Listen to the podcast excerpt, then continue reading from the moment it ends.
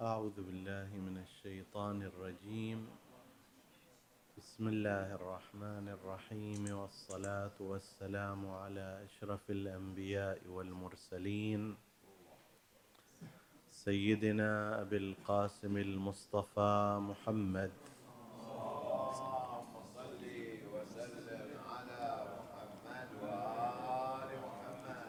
وعلى آل بيته الطيبين الطاهرين المعصومين المكرمين. السلام عليكم أيها الإخوة المؤمنون ورحمة الله وبركاته.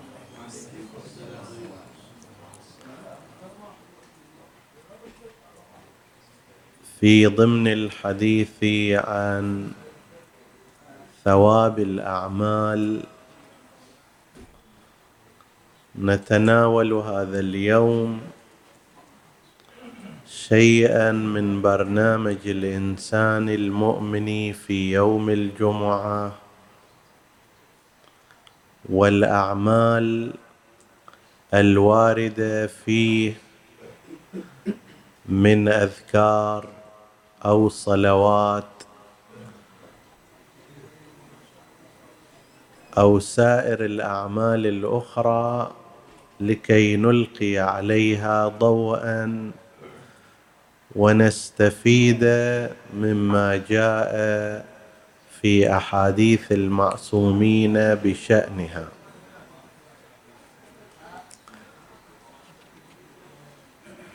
أول ما يلاحظه الإنسان في أعمال يوم الجمعة أنها كثيرة جدا ومتنوعة وتبدأ مع الإنسان من بعد صلاة الفجر بل قبل صلاة الفجر. هناك بعض الصلوات قبل صلاة الفجر في يوم الجمعة من ركعتين بكيفية خاصة ووعد فاعلها بأن يعطيه الله الجنة. وهذا الأمر يستمر إلى غروب الشمس من يوم الجمعة. فيها سور كثيرة سورة النساء سورة الكهف سورة الرحمن سورة هود. فيها استغفار كثير. فيها صلوات على النبي صلى الله عليه وآله كثيرة حتى قيل بألف صلاة. وفي بعض هذه الكتب عندما يعدد المؤلف يقول الصلاة على النبي حتى لو كان مئة مرة. يعني مئة مرة هذا شيء قليل. وكل ما زاد زاد في ثوابه. فيأتي السؤال هنا أنه لو أن الإنسان أراد أن يتفرغ للقيام بهذه الأعمال لازم ما يسوي أي شغل آخر طول يوم الجمعة بس يقضيه في هذه الأعمال ومع ذلك أيضا ما يكفي لكثرة هذه الأعمال. فمثلا في باب الصلاة على النبي وآله يوجد هذه الصلاة المختصرة الصلاة اللهم صل على محمد وآل محمد.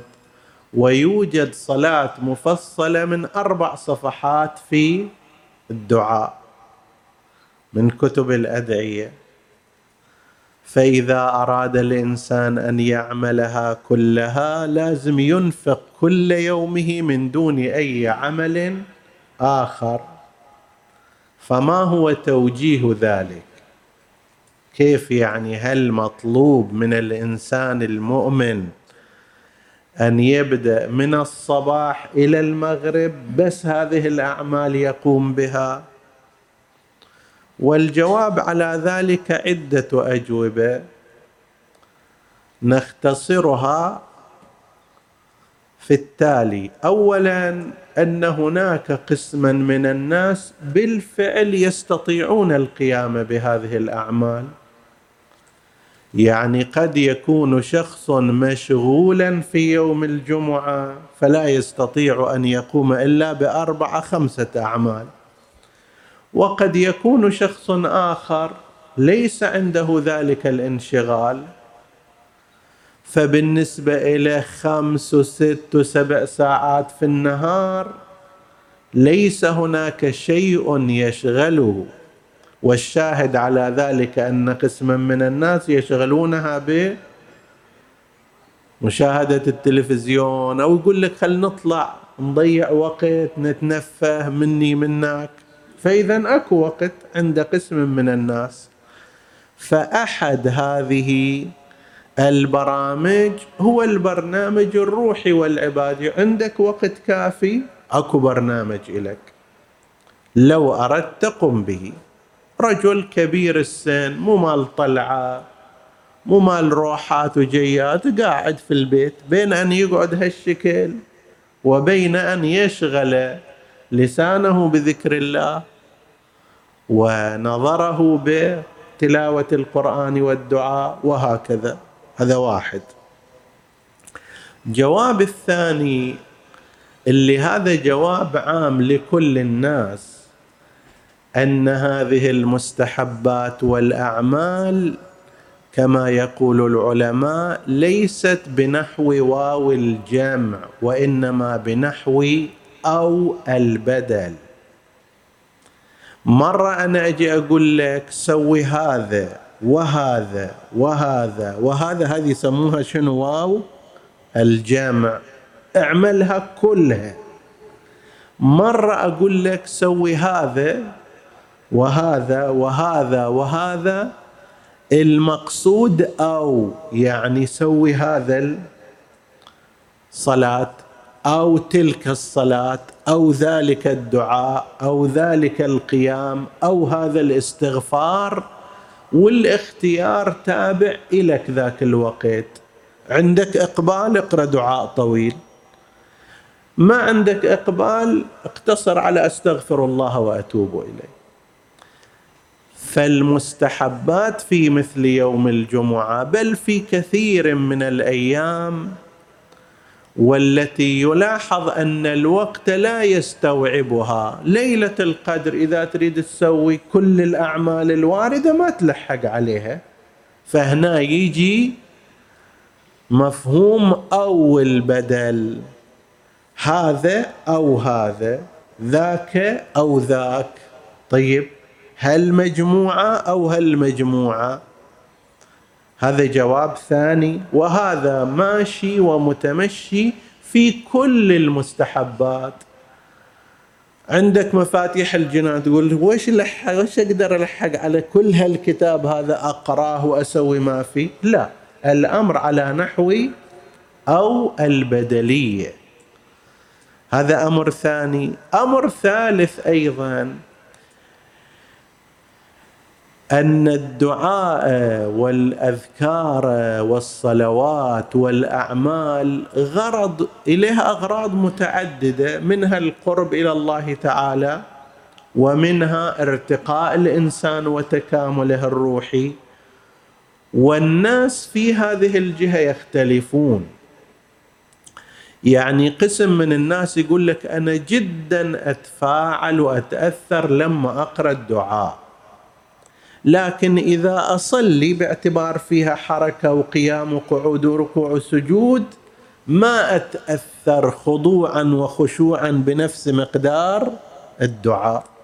وقسم بالعكس يقول لا أنا في الصلاة أجد في نفسي تحليق روحي وانسجام وصفاء. لا أجد هذا في الدعاء أنا هالشكل طيب ثالث يعجبه وهو مشغول بأي شيء أن يذكر الله سبحانه وتعالى. وهو قاعد يسوي شغل أستغفر الله أستغفر الله أستغفر الله سبحان الله سبحان الله إلى آخره. شخص آخر يقول لك لا أنا إذا ما أقعد وأتوجه إلى الذكر ما أعرف. فهنا تجي تعدد الأعمال. أنت من النمط اللي الحركة بالنسبة لك تتفاعل إياها الحركة العبادية؟ هاي صلوات موجودة ما شاء الله. أو أنت لا من ذاك النوع اللي عندك حالة تأملية في الدعاء. تقرأ الدعاء وتتأمل فيه وتتفاعل معه ويخشع قلبك. الأمر اللي قد لا يتيسر قد لا يتيسر في كثرة الصلوات إذا قال لك تعال صلي ثلاثين ركعة. كل ركعة فيها كذا. ما يتيسر لك مع كل كلمة أن تتأمل فيها وتتفاعل. فتعال أخذ ذاك الجانب. فلذلك تعددت البرامج وتكثرت في يوم الجمعة. اولا لأن قسما من الناس يستطيعون القيام بها كلها أو بأكثرها نظرا لأنهم حالات شخصية حالة فراغ من الوقت عنده. ثانيا بالنسبة إلى عامة الناس هذه البرامج والأعمال ليست بنحو واو الجمع وإنما بنحو أو البدل. ثالث هي أيضا ناظرة إلى تربية الشخص فالبعض من الأشخاص أثر الصلاة والحركة العبادية فيه أقوى من أثر اللفظ والتأمل فيه في الدعاء وبعضهم بالعكس. لذلك يوفر لك برنامج يوم الجمعة مختلف الخيارات. من أي شخصية أنت كنت؟ من الممكن أن تتفاعل. هذا أول ملاحظة فيما يرتبط بأعمال يوم الجمعة يوم الجمعة. ملاحظة ثانية هي أنه ورد أن الخير والشر في يوم الجمعة يضاعفان.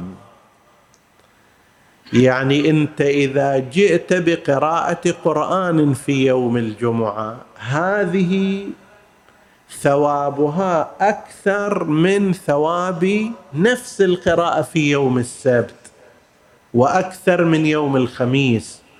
وهذا الحكي موجود عادة في شهر رمضان بمضاعفات كثيرة ولكن هنا يوجد نص عن الإمام الباقر عليه السلام أن الخير والشر يضاعفان في يوم الجمعة.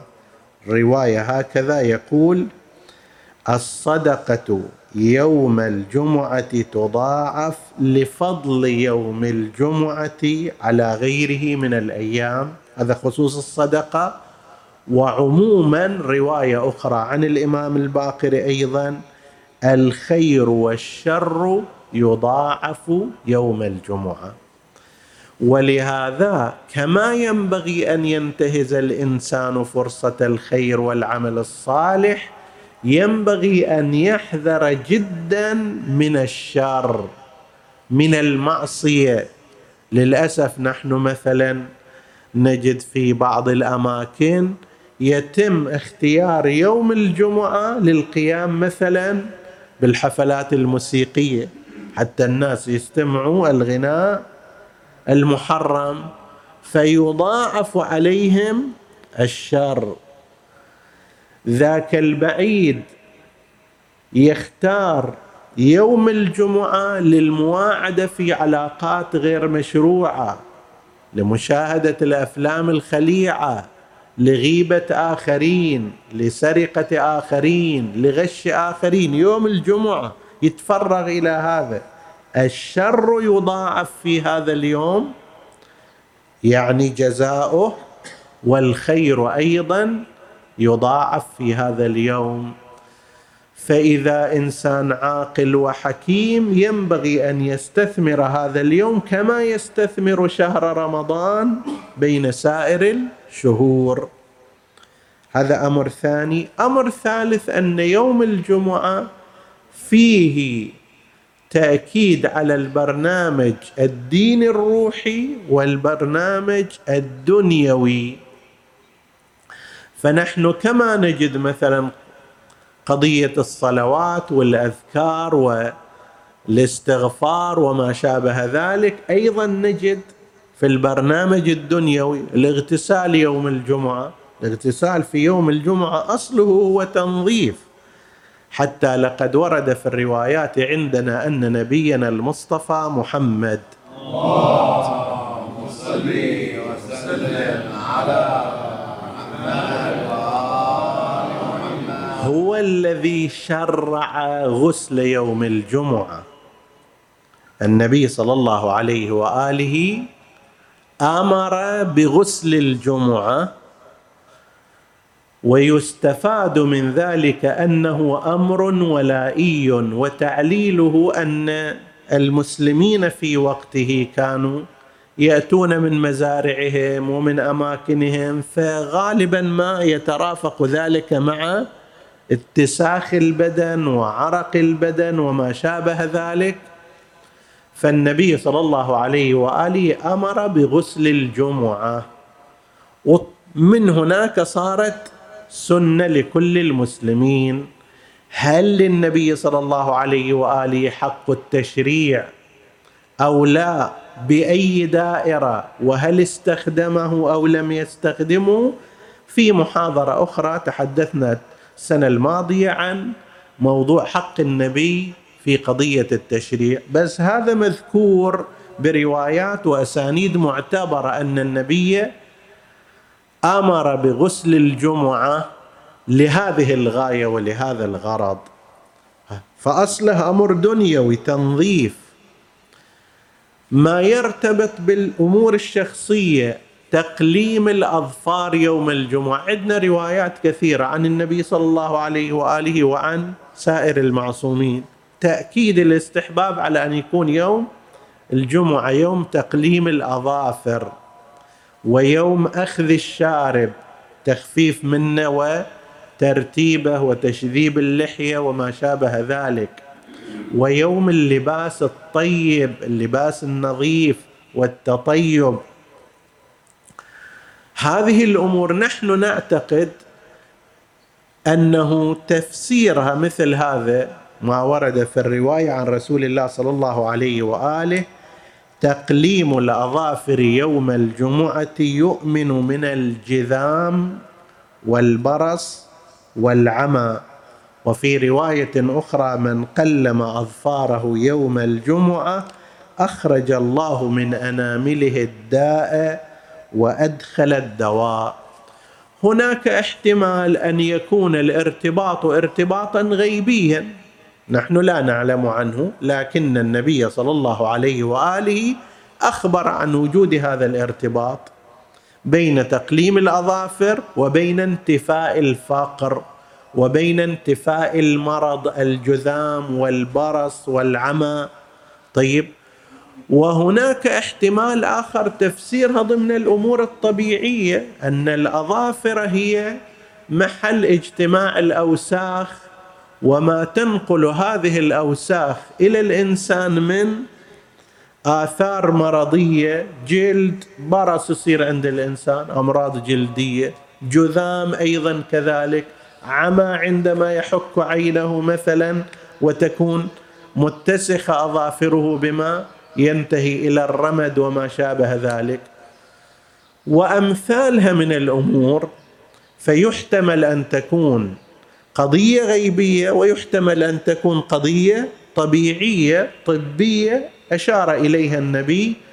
ولكي يفهم الناس بدل ما يتكلم لهم عن الجراثيم وعن ما أدري كذا وشي قال لهم هذه تقليم الأظافر تنظيفها غير ذلك يؤمن من تلك الأمراض التي كانت شائعة في ذلك الزمان. فبرنامج أيضا ما يرتبط بالبرنامج الحياتي.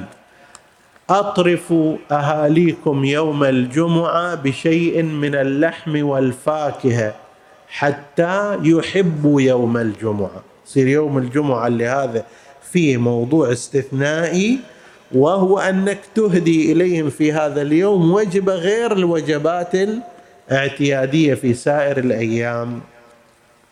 فهذه ترتبط بالأمور الدنيوية. أما ما يرتبط بقسم من الأمور الدينية والروحية فأولها استحباب الابتداء بدعاء اللهم من تهيأ واستعد وأعد لوفادة إلى مخلوق فإليك يا رب تهيئتي وتعبيتي وإعدادي واستعدادي فإني لم آتك بعمل صالح رجوته. هذا دعاء مشهور يقرأ في ليلة القدر في سائر الليالي مستحب في أول صباح الجمعة يستحب وفيه تجديد إخلاص النية لله عز وجل. يعني أنا قومتي وقعدتي وتهيئتي واستعداداتي وأموري المختلفة إنما هي لك. إذا الآخرون يروحوا يتهيأوا لأمثالهم من البشر. يريد يقابل الرئيس. شوف ذاك اليوم حلق تزين ضرب غترة والعقال إذا من أهل العقال أو الربطة والما أدري المنطلون إذا من أهل. يا بش صاير؟ عندي مقابلة اليوم مع المدير. هالتهيئة وهالتعبئة والاستعداد وهالخبصة هذه علشان أقابل المدير. هذا الإنسان يقول أنا يا رب إذا آخرون يتهيئون ويتعبؤون للوفادة إلى المخلوقين. أنا تهيئتي وتعبيتي لمن؟ إليك. وأنا مقر على أنه مهما عملت فإنني مقصر قاصر ضعيف العمل. هذا افتتاح اليوم. بعد ذلك يستحب للإنسان بعد صلاة الفجر الصلاة على محمد وآل محمد. وسلم على محمد بل في سائر النهار إذا استطعت أن لا تتعطل عن ذكر الصلاة على النبي وآله فافعل ذلك. وأنت في السيارة صل على محمد وآل محمد. وأنت تنتظر أحد صل على النبي. وأنت رايح إلى أحد كذلك. طيب. أقل شيء أقل شيء يعني اللي ما مسوي شيء أقل شيء لازم يكون مئة مرة تصلي على محمد في مثل هذا اليوم. هذا إذا ما عندك وقت وما تقدر تسوي شيء. وإلا المفروض أن الإنسان أكثر من هذا. وال والإنسان قد يقول ما عندي وقت. لا كثير من اللوم مع كل ضغطه على الجوال مالك تقول اللهم صل على محمد وآل محمد كملت إلى الليل ألف مرة. سوي هالشكل مع كل ضغطة اللهم صل على محمد وآل محمد. شوف كم يصير الحساب. طيب. ومعروف الحديث المروي عن رسول الله من صلى علي مرة صليت عليه عشرا ومن صلى علي عشرا صليت عليه مئة ومن صلى علي مئة صليت عليه ألفا ومن صليت عليه الفا صلى الله عليه ومن صلى الله عليه لم يعذبه بالنار. اللهم صل وسلم على محمد وآل محمد. من الطريف في الاهتمام بيوم الجمعة السلام على يوم الجمعة.